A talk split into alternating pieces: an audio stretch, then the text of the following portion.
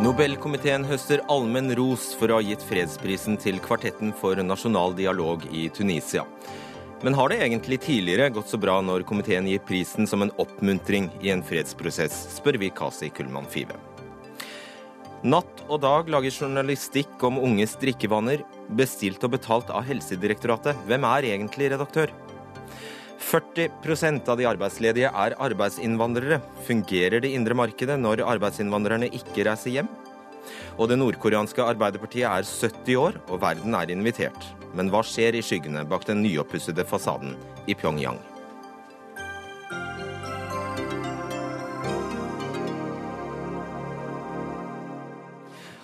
Og fikk du ikke med deg regjeringens likestillingsmelding i dag, sa du? Dagsnytt 18 får gjort noe med den saken. God fredag ønskes deg av Fredrik Solvang. Vi starter selvfølgelig med nobelprisen, for mens store deler av Midtøsten står i brann, valgte Nobelkomiteen å trekke fram et av få lyspunkter. Tunisias vei mot fred og et demokratisk styre. At Nobels fredspris for 2015 går til Kvartetten for nasjonal dialog i Tunisia, kom som en stor overraskelse. Kasi Kullmann Five, leder av Nobelkomiteen, gratulerer med utdelingen. Takk skal du ha. Det var altså 278 kandidater nominert. Hva var grunnen til at akkurat denne kvartetten fikk prisen? Ja, Det var 273, okay. så vi hadde mange flotte kandidater å velge imellom. Sånn er det heldigvis ofte. Men vi mente at denne tunisiske kvartetten for nasjonal dialog har gjort gitt et så avgjørende bidrag til byggingen av et pluralistisk demokrati i Tunisia at eh, det er eh, verdig en nobelpris.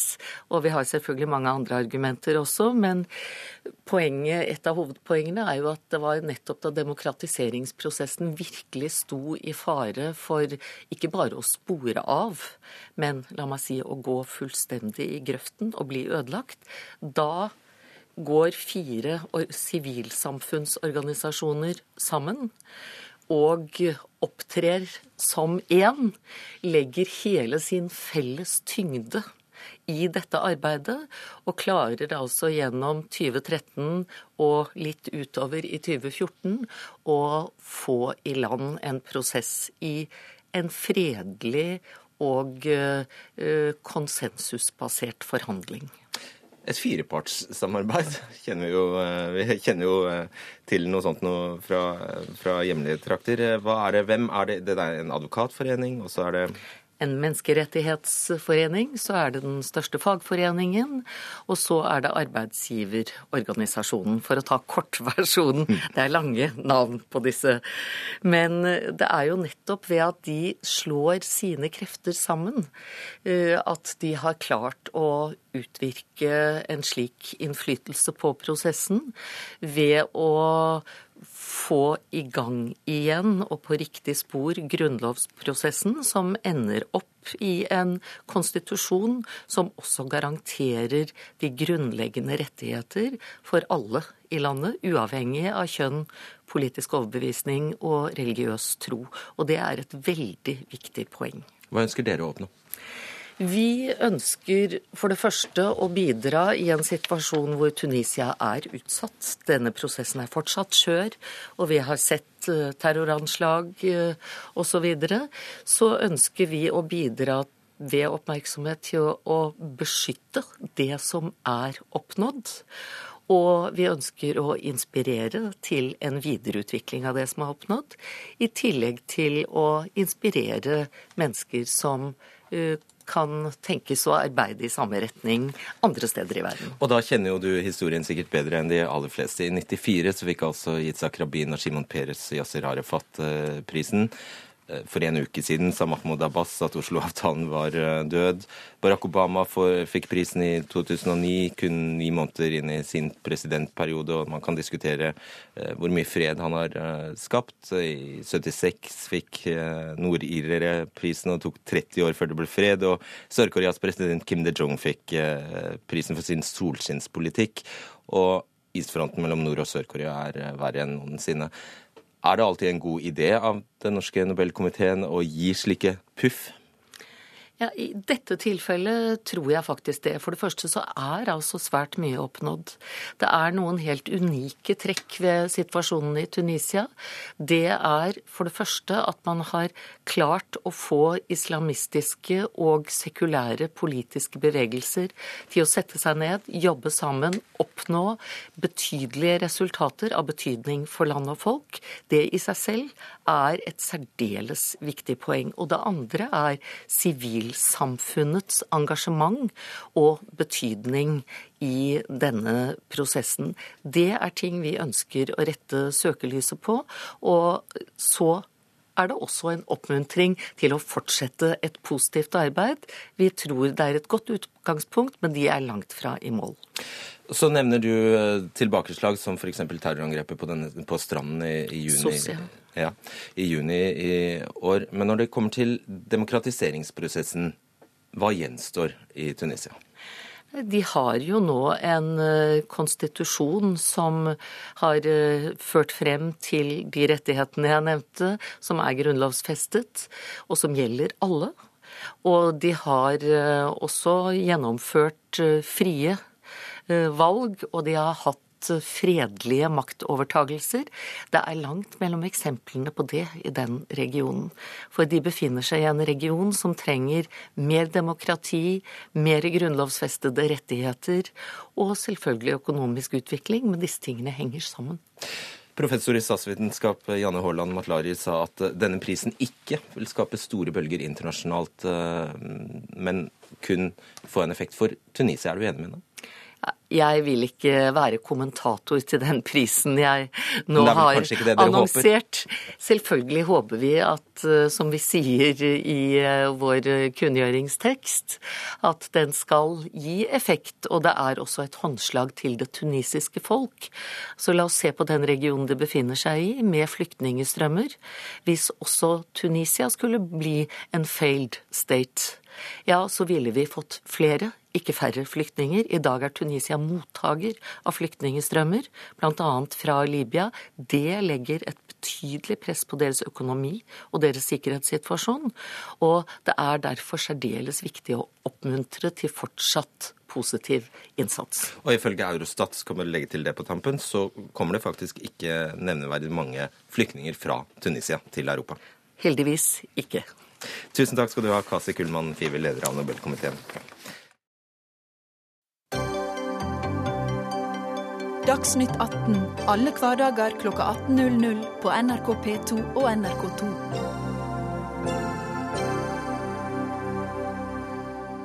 Temaet er det samme da en tunisisk grønnsakshandler satte fyr på seg selv i desember 2010 og sendte store deler av den arabiske verden ut i voldelige demonstrasjoner, var ønsket fra folket demokrati og frihet.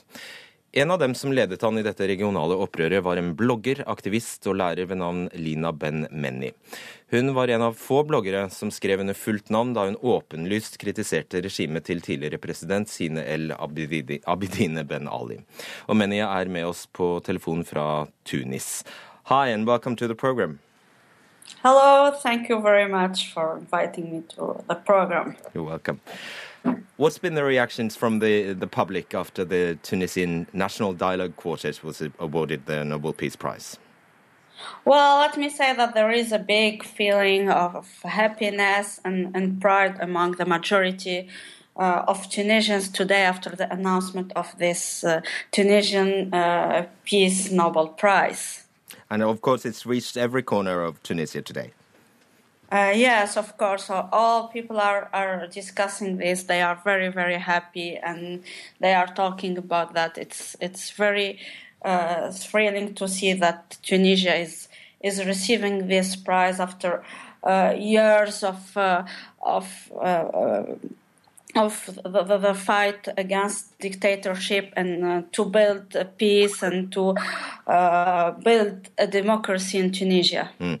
The Tunisian court has been praised for its success in creating democratic processes in Tunisia. Uh, what's their role? How is their role in creating democracy seen by the public? Well, let me say that the Tunisian uh, National Dialogue Quartet played an important uh, role in a very critical time of the history of, of, of Tunisia. Actually, they succeeded in, uh, in bringing together uh, different political uh, parties with different views to the table of dialogue when the country was in, in, a very bad, bad, situation after two political assassinations and after uh, the failure of the, the government uh, in place at the time in, in fulfilling the objectives of the revolution.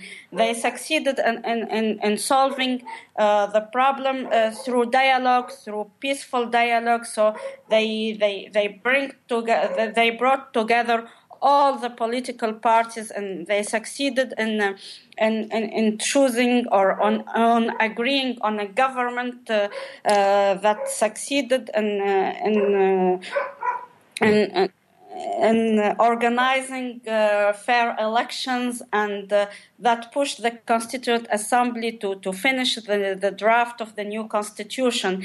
Uh, the country was on the brink of a civil war, but thanks to this uh, national dialogue, we avoided chaos and, and, civil war. And since the Tunisian revolution began in 2011, uh, you have played a prominent role amongst uh, Tunisia's activists speaking out against corruption and violence. What mm-hmm. does this recognition from the Nobel Committee uh, mean to Tunisians who have fought for democracy and peace?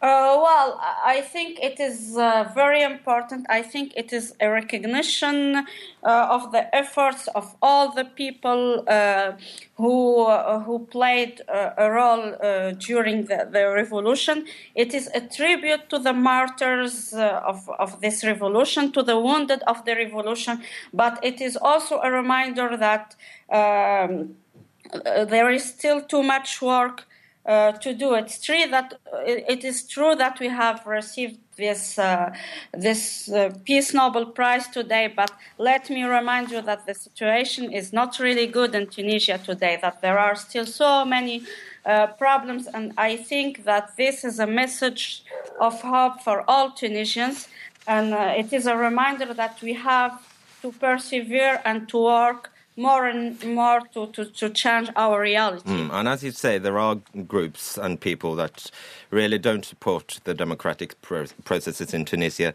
Just yesterday, a prominent politician from the ruling party survived an assassination attempt, and similar attempts have been carried out in the past.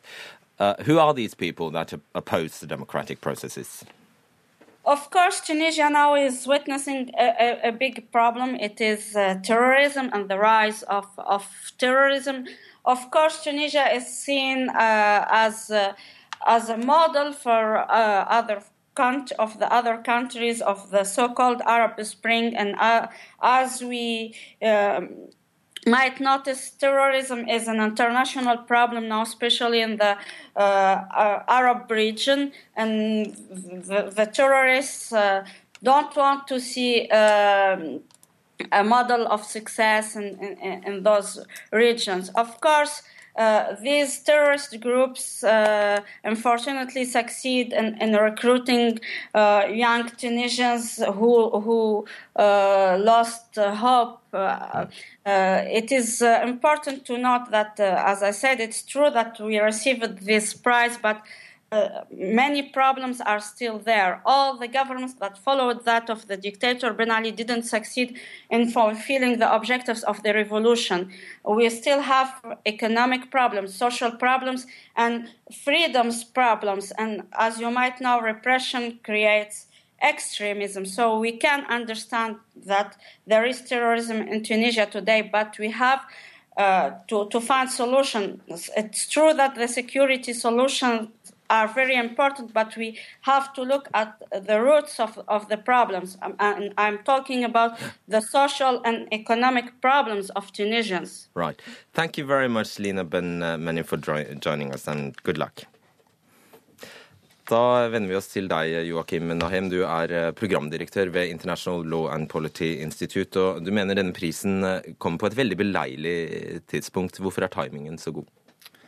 Timingen er god fordi Tunisia fremstår enda mer i dag som et fyrtårn av eh, demokrati og eh, vellykkede prosesser i eh, en region som eh, ellers bringer mye dystre og negative nyheter med seg, både på når det gjelder vold, å ikke få til demokratiseringsprosesser, polarisering mellom grupper og politiske partier. Mens Tunisia har hatt sine utfordringer, som vi hørte, men de har jo fått til veldig mye som fremstår i dag som en modell eh, som både andre land i regionen og andre steder i verden kan se på som et veldig interessant eksempel, som eh, sier noe om hvordan man kan ta eh, en revolusjon og gjøre det om til demokratiske gevinster. Og denne kvartetten som har fått prisen, har jo vært både en pådriver og en garantist for demokratiseringen i Tunisia. Og det er jo på mange måter det man har manglet i de andre landene. Det har ikke vært en uavhengig og et sivilsamfunn eh, til å eh, spille denne rollen som man har hatt i Tunisia. Og Tunisia var jo, en, bare for å minne om det, en sekulær stat med stabile institusjoner før revolusjonen. Det stemmer. Eh, men man har også hatt et islamistparti som ikke var med, på en måte ekskludert fra den politiske institusjonene i Tunisia før revolusjonen, som har da også blitt tatt med inn. Og dette er jo igjen et kjennemerke av den tunisiske modellen, at den er inkluderende. Ragnhild Jonsrud Sorgati, du er religionsviter og førsteamanuensis ved Universitetet i Oslo. og Du har sagt at denne prisen er en anerkjennelse av den tunisiske modellen som vi hører her. Hva mener du med den tunisiske modellen? Den tunisiske modellen, det jeg vil trekke frem aller først, er at den kommer fra Tunisia. Altså dette er tunisisk eh, sivilsamfunn som har bygget opp. Det ikke, kommer ikke utenfra. Det er ikke FN, det er ikke Amerika, det er ikke Frankrike. Men det er tunisere selv som har utviklet en modell. Og da jeg var i Tunisia i sommer og snakket med mange politikere og folk fra sivilsamfunnet, så var det ett ord som gikk igjen, og det var konsensus. Og det er jo noe med at konsensus kan være farlig hvis man blir redd for forskjeller og redd for kritikk, men konsensus kan være svært viktig i en sånn veldig skjør overgangsperiode. Mm. Men kort uh, spørsmål, siden du nevner at dette er særtunisisk. Er Tunisia som statsdannelse en naturlig statsdannelse? Grensen er vel tegnet av helt andre enn tunisierne? Uh, Tunisia har hatt en ganske, var en provins under Det ottomanske riket og har hatt en ganske skal vi si, de grensene som går i dag, de er ikke blitt trukket uh, i veldig senere tid. De har vært der ganske lenge, faktisk. I mange hundre år. Ok. Heikki Eidsvoll Holmås, du er stortingsrepresentant eh, for SV og var selv en av de som nominerte denne tunisiske kvartetten for nasjonal dialog. Uh, ja, jeg regner med du er fornøyd i dag? Jeg er veldig glad i dag. Hva var det som gjorde at du Hvordan begrunnet du nominasjonen? Det er flere grunner, men jeg kan begynne med å trekke frem det som gjorde meg interessert i Tunisia. og Det er jo at de fremstår som det eneste landet som står igjen etter den arabiske våren med demokrati i stedet for diktatur eller borgerkrig. Det gjør det verdt å se nærmere på. Og I det øyeblikket du ser nærmere på Tunisia, så, så dukker denne kvartetten opp. Kvartetten for nasjonal dialog, som var avgjørende for å sikre at den grunnlovsgivende forsamlingen lykkes i å kompromisse seg frem til en grunnlov. Du trakk frem eh, ordet konsensus. Jeg vil, jeg vil, trekke frem det med kompromiss. Fordi at nettopp det at fagforeninger, eh, arbeidsgiverorganisasjoner og advokatforeninger og menneskerettighetsorganisasjoner kunne være pådrivere og fasilitatorer for en dialog mellom de ulike politiske partiene, sikret at du fikk et, eh, et, et bredt votum på det de kom frem til, men det tvang også, la et ekstra press på de politikerne som satt og skulle forhandle om Grunnloven, til å bli enige. Og Det tenker jeg det var, det var helt avgjørende. Så Denne prisen går til det de har oppnådd, og er samtidig en oppfordring til å fortsette på den samme kursen videre. Ja, eh, veldig fint eh, det du sier. I dag så snakket jeg med Lubna Jeribi, som er Hun satt som leder i den komiteen som eh, så på Grunnloven, det siste grunnlovsutkastet. Og hun sa til meg at det var veldig viktig å ha en aktør som var utenfor nasjonalforsamlingen, eller konstitusjonelle forsamlingen, som faktisk drev prosessen videre. Sånn at, veldig interessant, en sentral politisk aktør i grunnlovsprosessen anerkjenner veldig den Eh, det arbeidet som kvartetten gjorde. Mm. Og jeg, jeg, mener jo at En av de tingene som vi bør, bør, dra som en lærdom fra den prosessen, da, er å se på det som for oss i Norge er egentlig helt logisk, nemlig at fagforeninger og arbeidsgivere har en felles interesse av fred og, mm. og stabilitet og demokrati. Fordi at, eh, fordi at, arbeidsgiverne har interesse av å beskytte sine investeringer. arbeidstakerne i fagbevegelsen har interesse av å kunne gå på jobb hver eneste dag og heve lønninger til å få mm. mat på bordet. Og det at de to sammen og da sammen med øvrig sivilsamfunn har kunnet legge det presset på politikerne, gjør at du har unngått at politikerne har låst seg fast i diskusjoner seg imellom mm. der de har stått knallhardt på prinsippene, men fått et trøkk på å bli enige og finne frem til kompromiss. Nettopp. Joakim eh, Nahem, nå er det jo slik at dagens regjeringsparti NIDA er det Tone, eller hvordan Tones. det Tones. Mm. Eh, de har blitt kritisert for å ha flere tilhengere av eh, sine benaler i partirekkene. Altså gamle koryfeer. Hvordan kan man få på plass et velfungerende system når etablissementet er ganske intakt? Det er jo egentlig et veldig viktig poeng, og hvor mange andre land i regionen har trådt feil. Hvis du ser på Irak og andre land som kvittet seg med det gamle regimet, så har man nettopp ikke greid å ta med seg eh, den delen av regimet som faktisk eh, representerte store grupper og var viktig. Så igjen så har jo Tunisia da trukket med seg eh, Man har ingen veldig lederskikkelser. altså Selv om statsministeren har faktisk da vært leder av parlamentet og minister under Ben Ali, så har du på en måte fått med deg det gamle partiet og krefter der.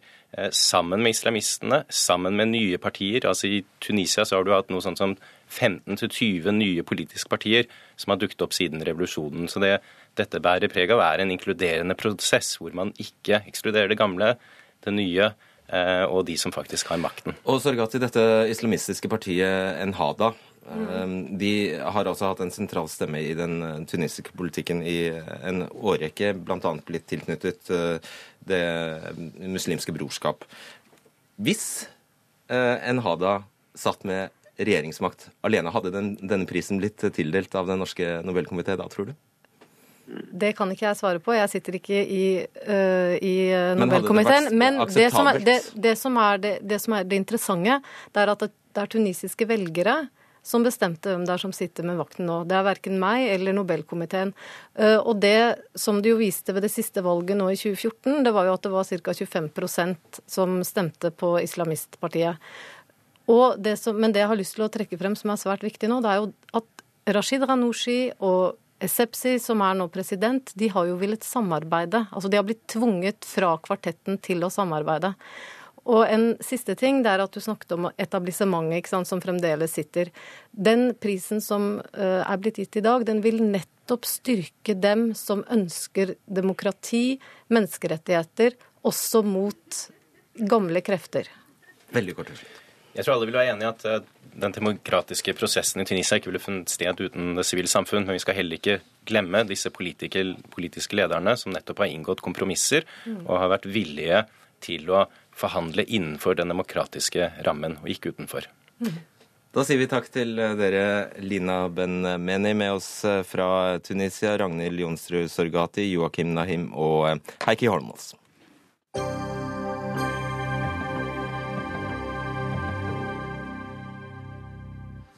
Natt og dag for en eh, halv million kroner for å skrive artikler som Helsedirektoratet skal godkjenne, skriver Dagens Næringsliv i dag.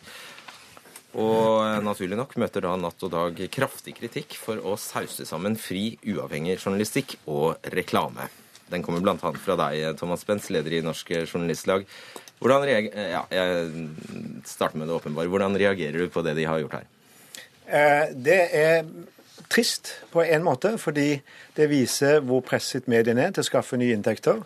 Eh, og at man da av og til eh, går for langt eh, og setter sin redaksjonelle troverdighet i fare, i alle fall. Hva er det de har gjort? Det må han svare for selv, men sånn som jeg oppfatter det, så har de, som mange andre mediehus etter hvert, valgt å satse på innholdsmarkedsføring, og hvor de gir kommersielle eller andre partnere utenfor redaksjonen innflytelse over innholdet. Men vi sier ikke at det er forbudt eller en, en dødssynd nødvendigvis, så lenge det er åpenbart for publikum at dette ikke er uavhengig redaksjonelt materiale. Det er kommersielt, og sånn sett så er det folk utenfor redaksjonen som bestemmer tema og vinkling. Men det skal merkes? Det skal merkes, og det er helt åpenbart for publikum. Og da eh, er det sånn, Nikolai Klauan, du er nettredaktør i eh, Natt og Dag. Det står dere medgår, eh, medgir at uh, dette er snakk om artikler som er skrevet av deres egne journalister, men betalt, bestilt og betalt av Helsedirektoratet? Ja, dette er eh, innholdsmarkedsføring. Eh, det er det ingen tvil om. Og det kan man jo ta en prinsipiell debatt på. Jeg vet ikke om det er det vi skal gjøre her i dag. Eh, men det er noe vi har gjort lenge, for så vidt. Vi har alltid hatt bilag, eller veldig mange år hatt bilag fra festivaler fra andre. Og vi er ikke større enn at da vi må bruke de samme frilanserne vi bruker til å skrive andre saker. Hvorfor, ja, hvorfor sier dere ja til et sånt oppdrag? Nei, Som sagt så er det praksis også at vi, vi gjør det. Vi, det er ikke, dette er ikke første gangen vi Eh, lager innholdsmarkedsføring. Eh, og så kan man diskutere retningslinjene for hvordan man skal gjøre det. Det kom en tekstreklameplakat, eh, ny tekstreklameplakat for ikke så veldig lenge siden. og vi prøver å følge den. Og vi, vi, det er et vanskelig det er et vanskelig område. Det er vi helt med på. Vi prøver i hvert fall å være åpne og ærlige når vi gjør det. Det er jo kanskje, vil noen si veldig spesielt, at det er deres egne journalister som skriver disse sakene? Ja, det eh, tror jeg også Thomas Wentz eh, vil eh, si. Nå tror jeg ikke Thomas har lest de sakene det er snakk om, eller sett det i det hele tatt, akkurat i dag. men vi er ikke større enn at av de som jobber hos oss, er vi to og et halvt årsverk ca. Sånn at vi er helt avhengig av å bruke de samme som man kan si, VGs partner. Ja, ja, men hvem bestemmer, er, hvem bestemmer da hva som skal skrives? Du eller Helsedirektoratet? Nei, I denne aktuelle saken så har vi fått et tema fra Helsedirektoratet som er måtehold. Og så har vi bestemt eh, resten. Hvem er da redaktør? Det er jo vi som er redaktører. Eh, men det er jo ikke det Helsedirektoratet sier. De sier at alt stoff kontrolleres og godkjennes hos oss før det publiseres i Natt og Dag. Jeg tror det er helt eh, normalt når man driver med innholdsmarkedsføring, at stoffet er innom kunden før det publiseres. Betrygget, Spens? Nei, det er to ting her. Det ene er at de bruker journalister. Det er vi sterkt imot. Men det andre er at det også kan oppfattes som redaksjonelt materiale, fordi de delvis bruker samme grafisk utstyr som de gjør i sine vanlige artikler. Og Da er det ikke åpenbart for publikum, og da vet jeg at det er folk som også leser Natt og Dag jevnlig, som har problemer med å skille mellom dette og det som er det vanlige stoffet laget av journalistene. Men det kan vel ikke være hensikten å forvirre leserne, vel? Absolutt ikke. Det er ikke hensikten. Vi ønsker å være eh, åpne om eh, alt vi gjør. Eh, og så kan man jo ta en diskusjon, og det gjør vi også jevnlig, på hvor godt man merker det. Vi har registrert at det er mange som påpeker at akkurat i dette tilfellet så har vi ikke merket godt nok. Vi har merket det. Bare forklar hvor godt du mener du merket det. Nei, altså vi har, Det står på toppen av artikkelen at det er i samarbeid med Helsedirektoratet. Det står at det er sponset innhold. Det står under artikkelen at det er sponset innhold i samarbeid med Helsedirektoratet. Og tittelen er en annen font enn i resten av avisen. Mm. Er det tilstrekkelig? Nei, altså disse, det er bl.a. brukt terninger, som er en del av det redaksjonelle eh, virkemidlet ellers. Det samme som eh, VG, som brukte VG-mikrofoner når de debuterte med sin innholdsmarkedsføring, og trakk hele opplegget. For da kunne det forvirre. For man bruker samme utstyr, samme design, samme logo.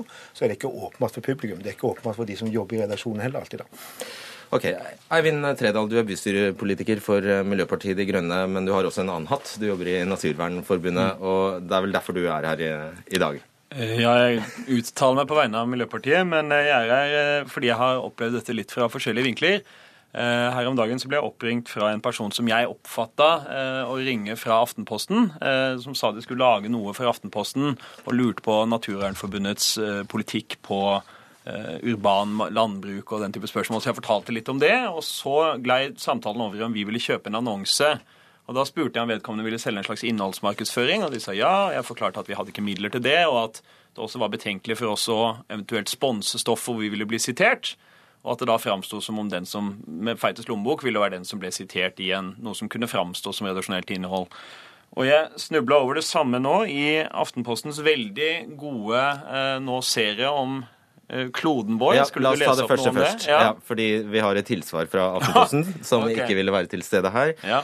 De sier at den som kontaktet Eivind Tredal, opptrådte ikke på vegne av Aftenposten, og for øvrig er det ikke slik at noen i Aftenposten vil komme med en slik henvendelse. Mm. Så kanskje Men, du misforsto? Ja, altså jeg er jo helt eh, normalt tjukk i huet, kan godt ha misforstått det der og da. Eh, men det er klart at nettopp det er jo også sakens kjerne. Det er veldig mange anledninger til å misforstå hvem som selger og hvem som driver journalistikk. Eh, det fins nå aviser som har egne ansatte som skal jobbe med innholdsmarkedsføring, og som er i en uklar posisjon. Og så har da Aftenposten en ekstern aktør som selger annonseinnhold som kan framstå som journalistikk. Og så det andre eksempelet. Mm. Det andre eksempelet syns jeg er mer betenkelig, fordi Aftenposten har jo hatt en veldig god klimaserie eh, som heter Kloden vår, og skal ha en slags konferanse neste uke, som er litt sånn ny sjanger for avisen å lage en politisk konferanse om klimaendringer. Og der har de veldig godt program, syns jeg, men så viser det seg da at fire av de som skal holde innlegg i denne konferansen, henholdsvis da Rema 1000 og gjødselselskapet Yara og Ikea og Flytoget. De skal da holde innlegg om eh, deres klimaløsninger, og er også sponsorer av konferansen. Og Det har også vært en lang artikkel i denne gode serien Kloden vår om Ikeas gode miljøsatsing, om løsninger innenfor eh, gjødselproduksjon. Så det du antyder er? Det jeg lurer på da, er jo eh, når altså Jeg har fått forsikra fra Aftenposten da jeg spurte om dette, at det ikke var noe samrøre mellom at de valgte stoffet, og så kommer disse aktørene og sponser. Men jeg lurer jo da på, når man har en artikkelserie om klimaløsninger, hvorfor man tilfeldigvis da velger ut fire veldig pengesterke aktører som også sponser denne. Altså, Personlig som miljøpolitiker så mener jeg at veldig mange av klimaløsningene er politiske. Vi må redusere oljeutvinning, vi må slutte å kjøre bil. Ikke at vi nødvendigvis eh, det viktigste skjer i Rema 1000 eller på Flytoget, men der har Aftenposten gjort en annen vurdering i sin konferanse, og da lurer jeg på hva som ligger til grunn for den. Du skal få et svar fra mm. Aftenposten. Ikea og flere andre sponser konferansen vår neste uke. Dette er tydelig merket på konferansesiden på nettet, og vil være tydelig for alle som sitter i salen. De sponser derimot ikke journalistikken vår. Redaksjonen skriver hver dag en haug av negative, nøytrale eller positive artikler om en bedrift eller institusjon, uten tanke på hva kommersiell avdeling selger av annonser. Nå, nå er det gøy å diskutere med Aftenposten via deg her, men det jeg syns er interessant der, er jo at klima- og miljøjournalistikken er ekstra avhengig av å være redelig og uavhengig, for det er veldig mange store aktører som ønsker å framstå som grønnere enn de er i disse dager. Og da blir det litt som uh, Julius Cæsar sa, selv ikke mistanken kan hefte ved Cæsars kone. Vi kan ikke risikere at klimajournalistikken framstår som uh, kjøpt og betalt, dessverre. Og det tror jeg Aftenposten gjør. Tenker du om det du hører? Jeg må først si at jeg er ansatt i Aftenposten, men i permisjon. Det har jeg vært i seks år, så jeg kjenner ikke til denne saken overhodet sånn. Eh, men det, jeg var på en debatt i går òg og hørte det samme. Og det Aftenposten sier, at her er det åpenbart en del misforståelser. Eh, men uansett, det er uheldig når det også oppstår misforståelser. Så her har de, som alle andre redaksjoner, en, en jobb å gjøre med å få klare retningslinjer som gjør at verken eh, kjøtthuer eller andre tar feil på hva som er redaksjonelt stoff. For Lurer man inn det, lager man lurejournalistikk, så er det ikke ærlig, og, det ikke, og da kommer ikke mediene selv til å overleve. For vi er avhengig av at publikum vet hva som er hva. Det høres jo ut som løsningen bare er å kutte dette content marketing-opplegget, da. Nei, det trenger det ikke. Mediene trenger inntekter for å lønne journalister som skal grave og lage god journalistikk. Og når gamle inntektskilder forsvinner, så må vi finne nye. Men det er ikke journalister som skal gjøre det, og det må være tydelig hva som er eh, reklame, Eh, og du kan godt kalle content marketing for reklame, for det er det i bunn og grunn er. Hvis det kommer eh, Kleiman, noen som har litt mindre ærlige hensikter enn Helsedirektoratet, og bedre skrive, skrive for dem, så takker du ja, og ikke sånn? Nei, det må være en vurdering vi gjør der da. Vi må jo kunne stå for det stoffet eh, vi har i avisa vår, selv om det er annonser. Sånn tenker vi også om helt vanlige annonser. Så, så nei. Har du lært noe av dette? Nei, jeg kan ikke si det. Første gang jeg er på Dags 18, så jeg lærte det. Bare nevne den store skandalen i verden for tiden. Volkswagen. Tenk om de var en av sponsorene til enten det var dere, Natt og Dag, eller andre større redaksjoner. Tenk hvilken uheldig eh, vinkling det kunne gitt for dem. Mm. Da må jeg bare si at Vi har, har ofte vært kritiske mot Helsedirektoratet, og vi kommer til å fortsette å være kritiske mot eh, Helsedirektoratet, spesielt når det kommer til narkotikapolitikk. Bortsett fra de sakene som Helsedirektoratet betaler for? Bortsett fra de annonsene, ja. ja. takk, takk, skal dere ha, Eivind Tredal, Thomas Spence og Nicolai Kleiva.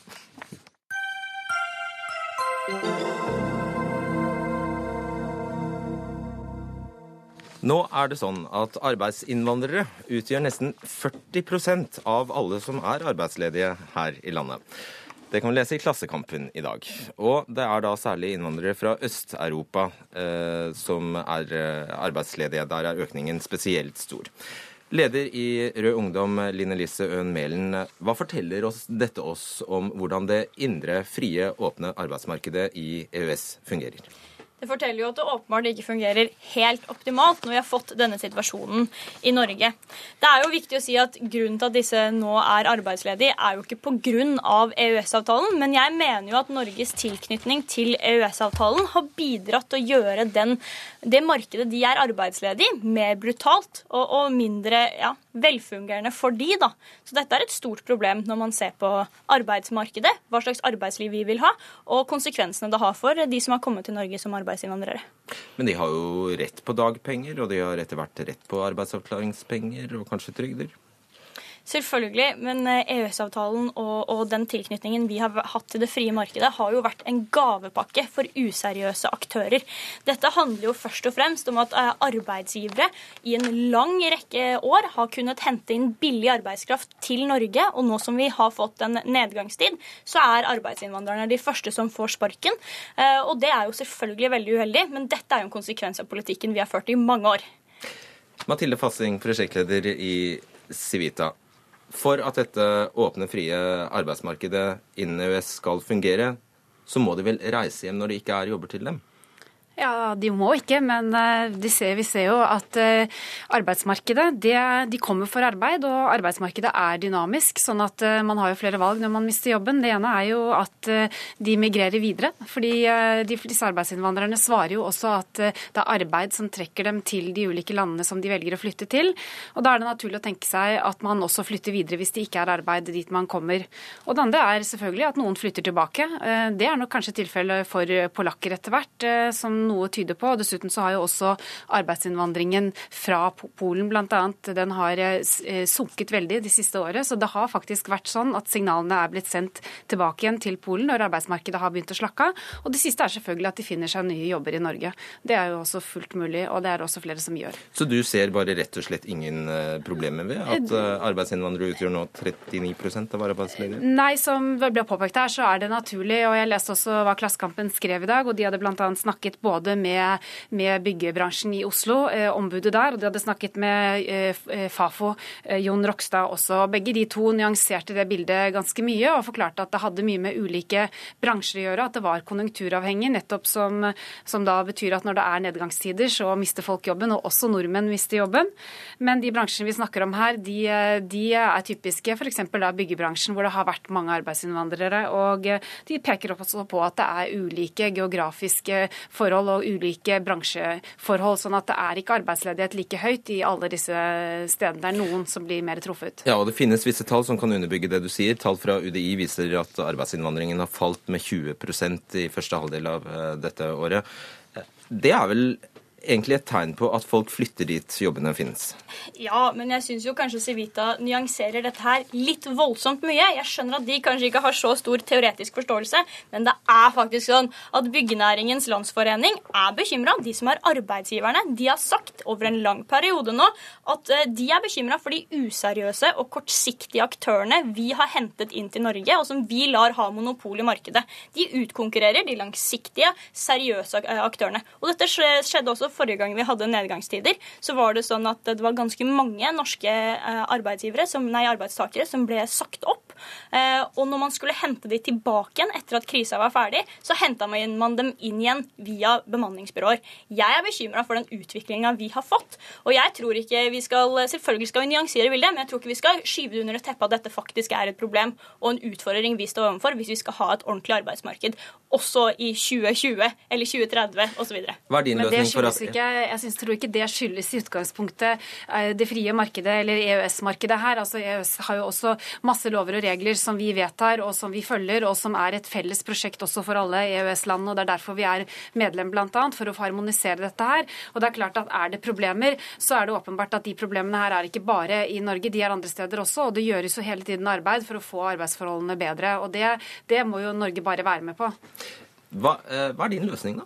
Nei, Selvfølgelig så har hun jo eh, noe rett her. Det er jo ikke sånn at EØS-avtalen er skylden alt sammen, men det handler jo om deregulering av arbeidsmarkedet. Det handler om at vi har tillatt flere vikarbyråer, og det handler om at vi nå har gitt arbeidsgivere tilgang på billig arbeidskraft.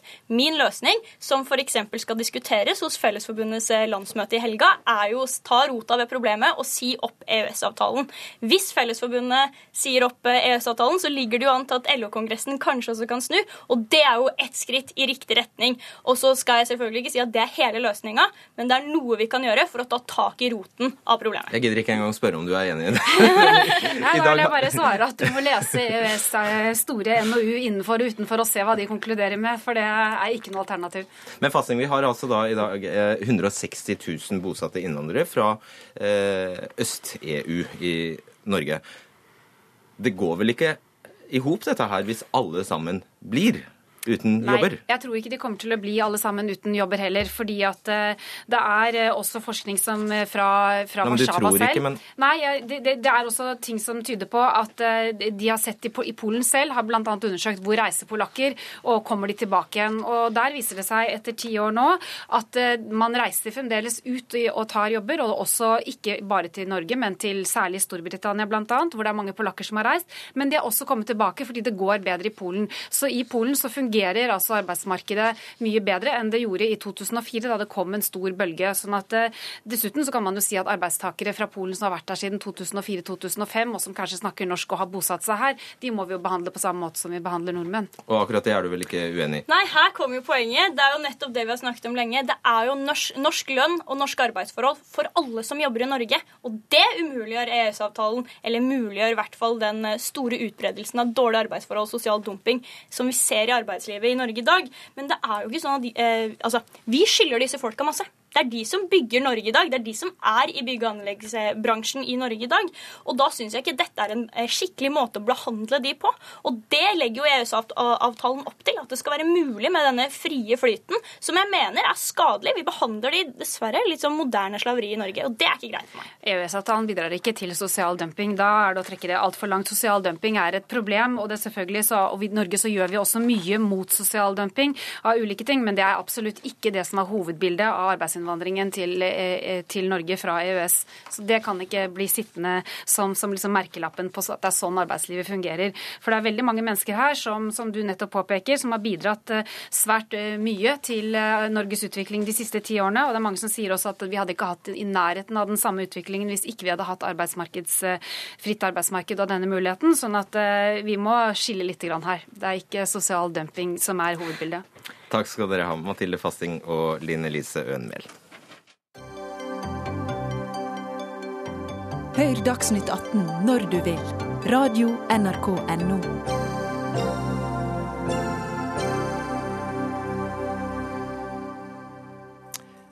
Det nordkoreanske Arbeiderpartiet fyller 70 år, og igjen er verdens øyne rettet mot det siste lukkede dikt stalinistiske diktaturet vi har.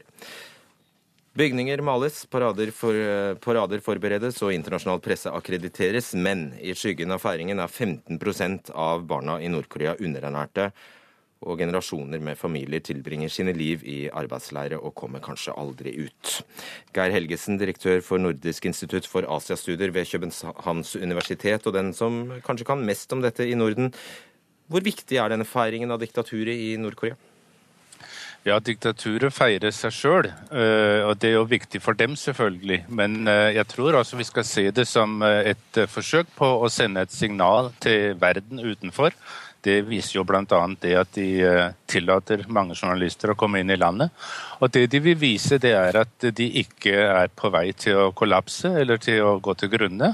Og det burde da være et signal som vi i Vesten eh, tar, eh, er litt realistisk i forhold til også går i gang med å forberede en dialog med diktaturet. For det er den eneste vei for å finne en løsning på problemet for de menneskene som du nevnte innledningsvis, som sitter i fengsel og fangeleirer. Hvordan kan du vite det? Jeg kan vite det på den måten at man har gjort det motsatte nå i 70 år, og det har ikke hatt noen som helst positiv effekt. Da det kom en sentrum-venstre-regjering i Sør-Korea med Kim Dae-jong som president, så startet han det som han kalte solskinnspolitikken. Og det fikk stor positiv betydning for nordkoreanerne i en tiårsperiode. Og Kim Dae-jong fikk jo som bekjent Nobels fredspris i Oslo. Og da støttet hele Europa Kim Dae-jongs politikk. Men da USA sa nei til den slags med, med Bush, så vendte dessverre også Vest-Europa og Europa, inklusiv de nordiske land. Og, og, og, da gikk man altså plutselig inn for en isolasjonspolitikk i forhold til Nord-Korea. Det har kun negative konsekvenser. Dasnin Khan Østrem, forlagsredaktør i Aschehoug og journalist. Du har faktisk nettopp vært i Nord-Korea. Ja, det stemmer.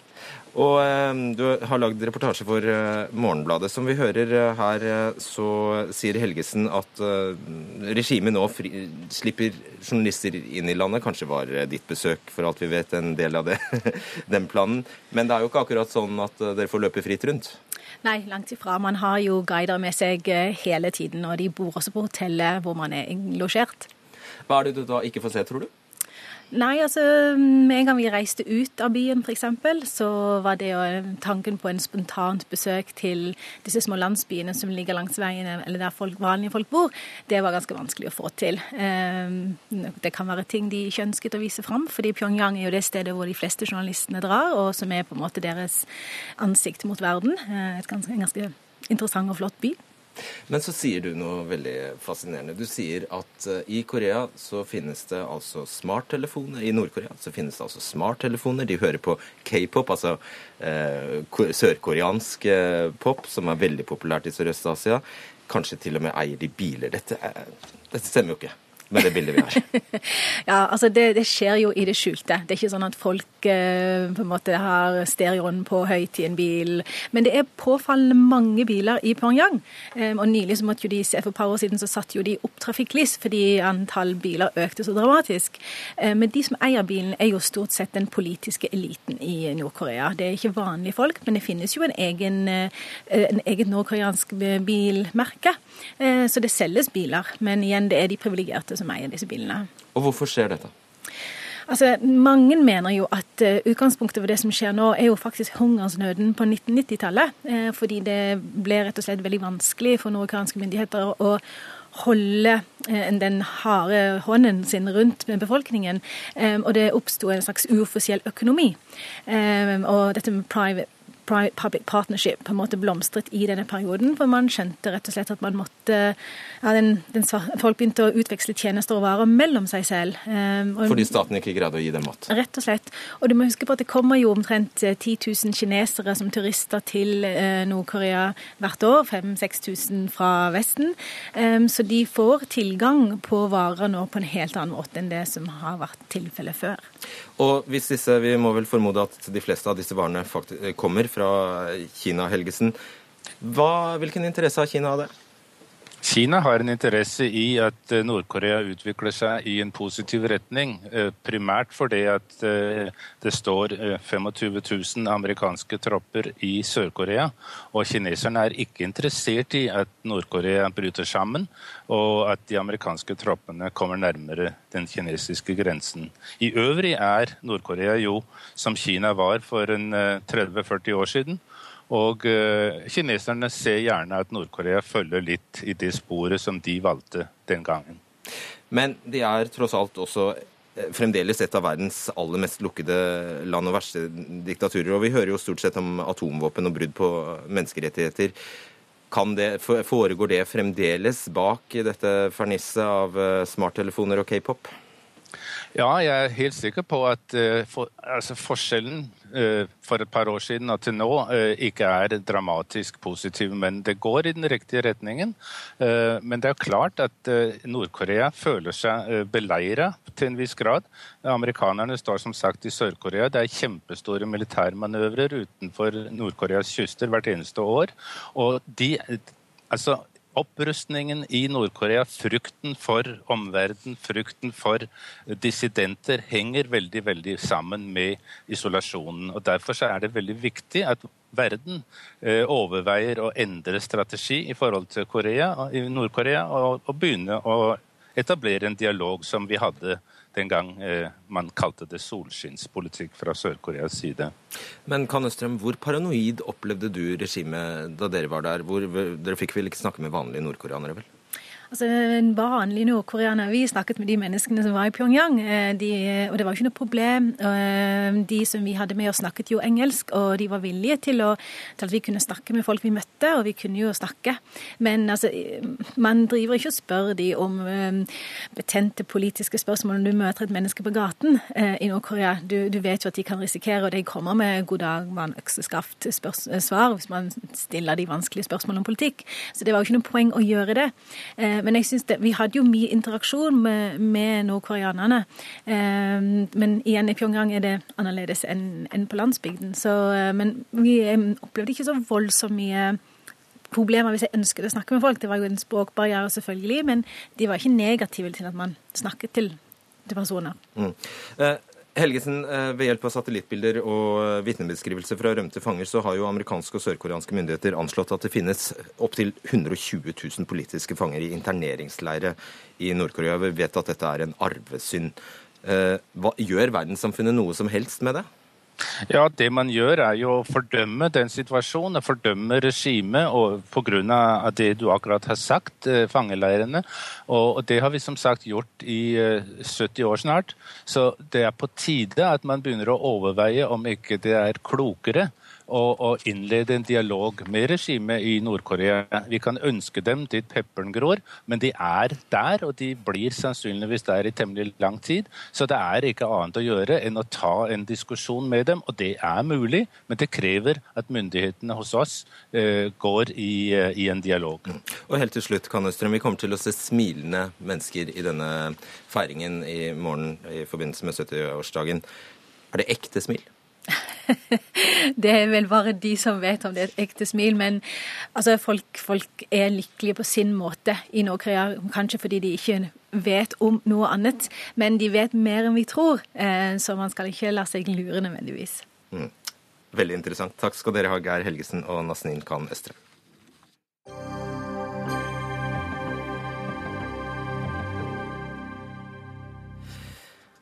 Alle har eh, helt sikkert fått med seg at regjeringen i dag la fram sine viktigste virkemidler i kampen for likestilling i likestillingsmeldingen.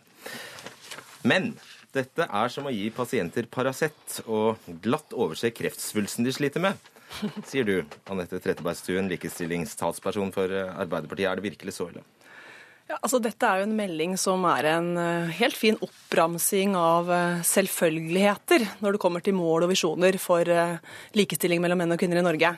Men den mangler totalt eh, tiltak. Den er ekstremt lite konkret. Veldig få tiltak.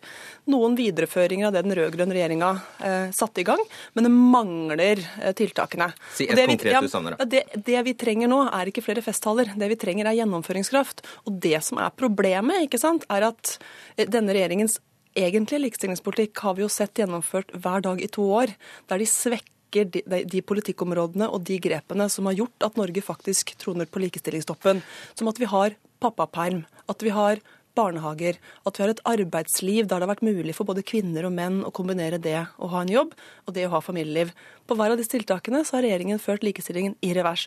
Og da er det eh, litt komisk at, eh, at regjeringen legger fram en stortingsmelding som er full av gode visjoner om et likestilt arbeidsliv, når vi ser at det de gjør i praksis, er å sørge for det motsatte. Bare si ett tiltak du mener burde vært her. Ja, mener, Det er mange, men jeg mener at eh, Likestillingsombudet, som er på en måte politiet for å sørge for at likestillingslovverket vi har, blir gjennomført, de burde blitt styrka. Fått uh, mer penger til okay. å gjennomføre likestillingsarbeidet lokalt, men også satt makt bak krava der diskriminering skjer. For det, skjer, det, har vi ikke i dag. Ok, Likestillings... Eh, nei, sånn var det ikke. Barne-, likestillings- og inkluderingsminister Solveig Horne. Stemmer det at det mest konkrete tiltaket du i dag la fram, var gratis HPV-vaksiner til eh, kvinner under 28 år? Nei, eh, det er et av tiltakene. Men eh, denne regjeringen har med denne likestillingsmeldingen eh, vist hva retning regjeringen ønsker å ta på likestillingsfeltet. Og vi har valgt å løfte fem områder som vi mener er, har, har, store likestillingsutfordringer i dag, tross at det har vært likestillingspolitikk. Så de tiltakene som Trettebergstuen sier at den rød-grønne regjeringen setter i gang, der har vi jo vist at vi fremdeles har utfordringer på de områdene. Og derfor har vi valgt å løfte både både vold, vold i nære relasjoner. Man har valgt å løfte det på det er å styrke tiltaket. Justisministeren har altså 50 millioner på, til forskning på vold i nære relasjoner over fem år, som er en historisk satsing på et felt som er viktig når vi snakker om likestilling. Ok, det, Da får du si hva mener du er aller mest konkret i meldinga di? Ja, det er at vi har valgt å løfte fem felt, og at det er altså en hel regjering med flere statsråder på flere departement, ikke bare mitt departement, som har løfta de utfordringene vi har. Vi har Med all respekt, det høres jo ut som alt annet enn konkret. Ja, den er. Ja, den, nei, men den er konkret. Der er altså styrking av eh, feltet på vold. Der er styrking innenfor arbeidsfeltet. Der er styrking på utdanning. Og der er styrking på næringslivet. Så der er konkrete styrker. Men jeg har lyst til å understreke det. Dette er ikke en budsjettproposisjon. Dette er en stortingsmelding. Og regjeringen har begynt en satsing på de feltene vi mener der er utfordringer på. Og det må fylles opp, ikke bare i neste budsjett, men det må fylles opp i årene framover. Og det må altså inn i det daglige arbeidet, både på alle departement. Og det er heller ikke sånn at likestillingspolitikk er noe som bare staten og regjeringen skal føre. Det må skje på alle nivåer ute i samfunnet. Ja, Dette er selvfølgeligheter, og det er områder som har vært viktige for likestillingskampen i årtier. Ja, og det er områder, det er områder som, som Arbeiderpartiet har prioritert. Poenget er jo Men det er fremdeles grunn- utfordringer når dere har stå, Jo, hatt, eh, men- styrt med dette i åtte år. Så Ja, ser vi at det er Det er fremdeles sant. utfordringer. Det er helt sant. Verden var ikke perfekt da de rød-grønne gikk av. Men poenget er at dere tar jo, setter jo likestillingen i revers. Når dere kutter i pappapermen, som partene i arbeidslivet alle er enige om at det er det viktigste grepet for at fedre kan få lov til å ta del hjemme, Ja, og for at kvinner kan komme tilbake til arbeidslivet. Jo. Ja. jo, og arbeidsmiljøloven, som de nå har, eh, har endra, som førte til generalstreik, har beviselig størst negativ effekt for kvinnenes mulighet til Ja. å kombinere arbeidsliv og familie. si det det men dette er jo ja. grep som regjeringen har, har svekka. Og da hjelper det ikke å, å ha noen fine festtaler om at arbeidslivet er viktig fremover. Men du sa noe som jeg er helt enig i, og som er viktig. Det er ikke, bare, det er ikke regjeringen som skal gjennomføre likestillingspolitikken, det skal skje der ute. Det er helt riktig, men det må du som ansvarlig minister ta ansvar for. Og hadde du gjort det, så hadde du sett at vi trenger å gå fra prat til praksis. Vi har verdens beste likestillingslovverk. Men fortsatt er det sånn at kvinner blir diskriminert i arbeidslivet når de er gravide. Fedre får ja. ikke pappapermen sin. Vi trenger, nei, vi trenger Ja, håndheving og gjennomføring, og da trenger vi folk der ute til å gjøre jobben. Det er mange Likestillingssent- ord Nei, nå snakker jeg. arbeidet Ja, dette er konkret. Likestillingssentrene ute i regionene, som er de som gjennomfører likestillingspolitikken i praksis, de fikk kutt i budsjettet. Likestillingsombudet fikk også det. Så det er ingen til å gjennomføre likestillingspolitikken der ute. Da blir dette bare Forskjellen festtaler. på denne regjeringen og den forrige regjeringen er at vi har ikke tro på flere strukturer. Vi skal bygge på de strukturene vi har i dag. Vi ønsker å ha fokus på de tiltakene som virker i, i de tilfellene i dag. Men Så så hvordan si skal du sørge for at er- likestillingslovverket blir reelt? ja. Likestilling, Vi skal framme neste uke til sende på høring en ny felles likestillingsdiskrimineringsslov. Det er noe som den forrige regjeringen ikke gjorde. Enda flere høringsinstanser sa det var viktig. Så er jeg enig med, med Trettebergstuen. Der er altså for lite håndheving av diskrimineringslovverket i dag. Ja, det hadde altså den forrige regjeringen muligheten til å gjøre noe med. Det gjorde de ikke. Jo. Og vi har nå satt i gang en utredning av hele håndhevingsapparatet. Så denne re regjeringen, vi handler på likestillingsfeltet, og vi ønsker å styrke det diskrimineringsvernet som vi har i dag. All politikk må gjennomføres, og dere kutter til de som gjennomfører politikken. Likestillingsombud og likestillingssentrene. Da blir det ikke reelt. Jo, men da har du ikke Nei, forstått men for det at regjeringen Nå nå tar og faktisk og styrker Likestillingsnemnda, som også er viktig for diskrimineringsvernet. Men altså, likestilling handler om andre ting enn bare strukturer og mer byråkrati. Det handler om å ha fokus på de utfordringene Om som vi har i dag. om vi skal Å styrke voldsfeltet, å styrke utdanning, styrke arbeidslivet og styrke helsefeltet. Nå må du la meg svare. Om vi skal ha én eller to eller tre likestillingslover, det er en avsporing så lenge vi vet at dagens lovverk om ikke-diskriminering Men hvorfor ja, gjorde du ikke noe med det når dere satt med makten? Nei, dere gjorde jo ikke det. Dere Jo, gjorde ingenting med å styrke håndhevingsapparatet. Så lenge du fortsetter å kutte til de som skal sørge for at folk ikke blir diskriminert der ute i hverdagen, så, så lenge du kutter til de som faktisk lærer opp bedriftene og kommunene i hvordan drive aktivt likestillingsarbeid, ja, så blir ikke de visjonene du har, reelle for folk der ute. Forskjellen er at vi ønsker å ha fokus på de tiltakene og de utfordringene vi har i dag. Men det hjelper ikke vi å ha fokus så lenge ingenting skjer. Vi ønsker ikke mer byråkrati og mer strukturer. Vi har strukturer i dag, og vi må ta vare på de forbildene, de prosjektene som vi vet virker, som er der ute. Ja, men det da må må du ikke kutte til de som, er der, som driver disse prosjektene der ute. og det Regjeringen styrket likestillings- nemnda, men vi har det altså likestillingsombudet for eh, byråkrati, det mener jeg er veldig spesielt. For det er de som er uh, likestillingspolitiet og sørger for at vi får rettighetene våre Et halvt minutt på å svare på hvorfor du ikke har foreslått noen av de eh, forslagene som Skeie-utvalget, det offentlige Skeie-utvalget foreslo. Det er helt konkret smørbrødliste med tiltak du kunne ha innført. Ja, regjeringen har valgt å løfte fem felt som vi mener det er utfordringer på i dag. I tillegg så kommer vi med et, en ny lov, en felles lov, som er, oppi, er noe som, som Hege Skeie har tatt til orde for, som den forrige regjeringen ikke eh, fullførte når de hadde anledning. Ja, Det spiller ingen rolle om vi får en lov til, så lenge ikke dagens lov blir realitet for folk der ute som diskrimineres. Og poenget er at Det hjelper ikke å løfte felt vi vet det er utfordringer på, så lenge man ikke gjør noe med konkrete tiltak, men hver eneste dag Takk, takk, sørger takk. for å bygge ned de tiltakene Ja. som har fungert. Takk skal dere ha, Solveig Horne og Anette Trettebergstuen. Og dermed sier Ida Tune Øresland, Eirik Sandbråten og Fredrik Solvang god helg.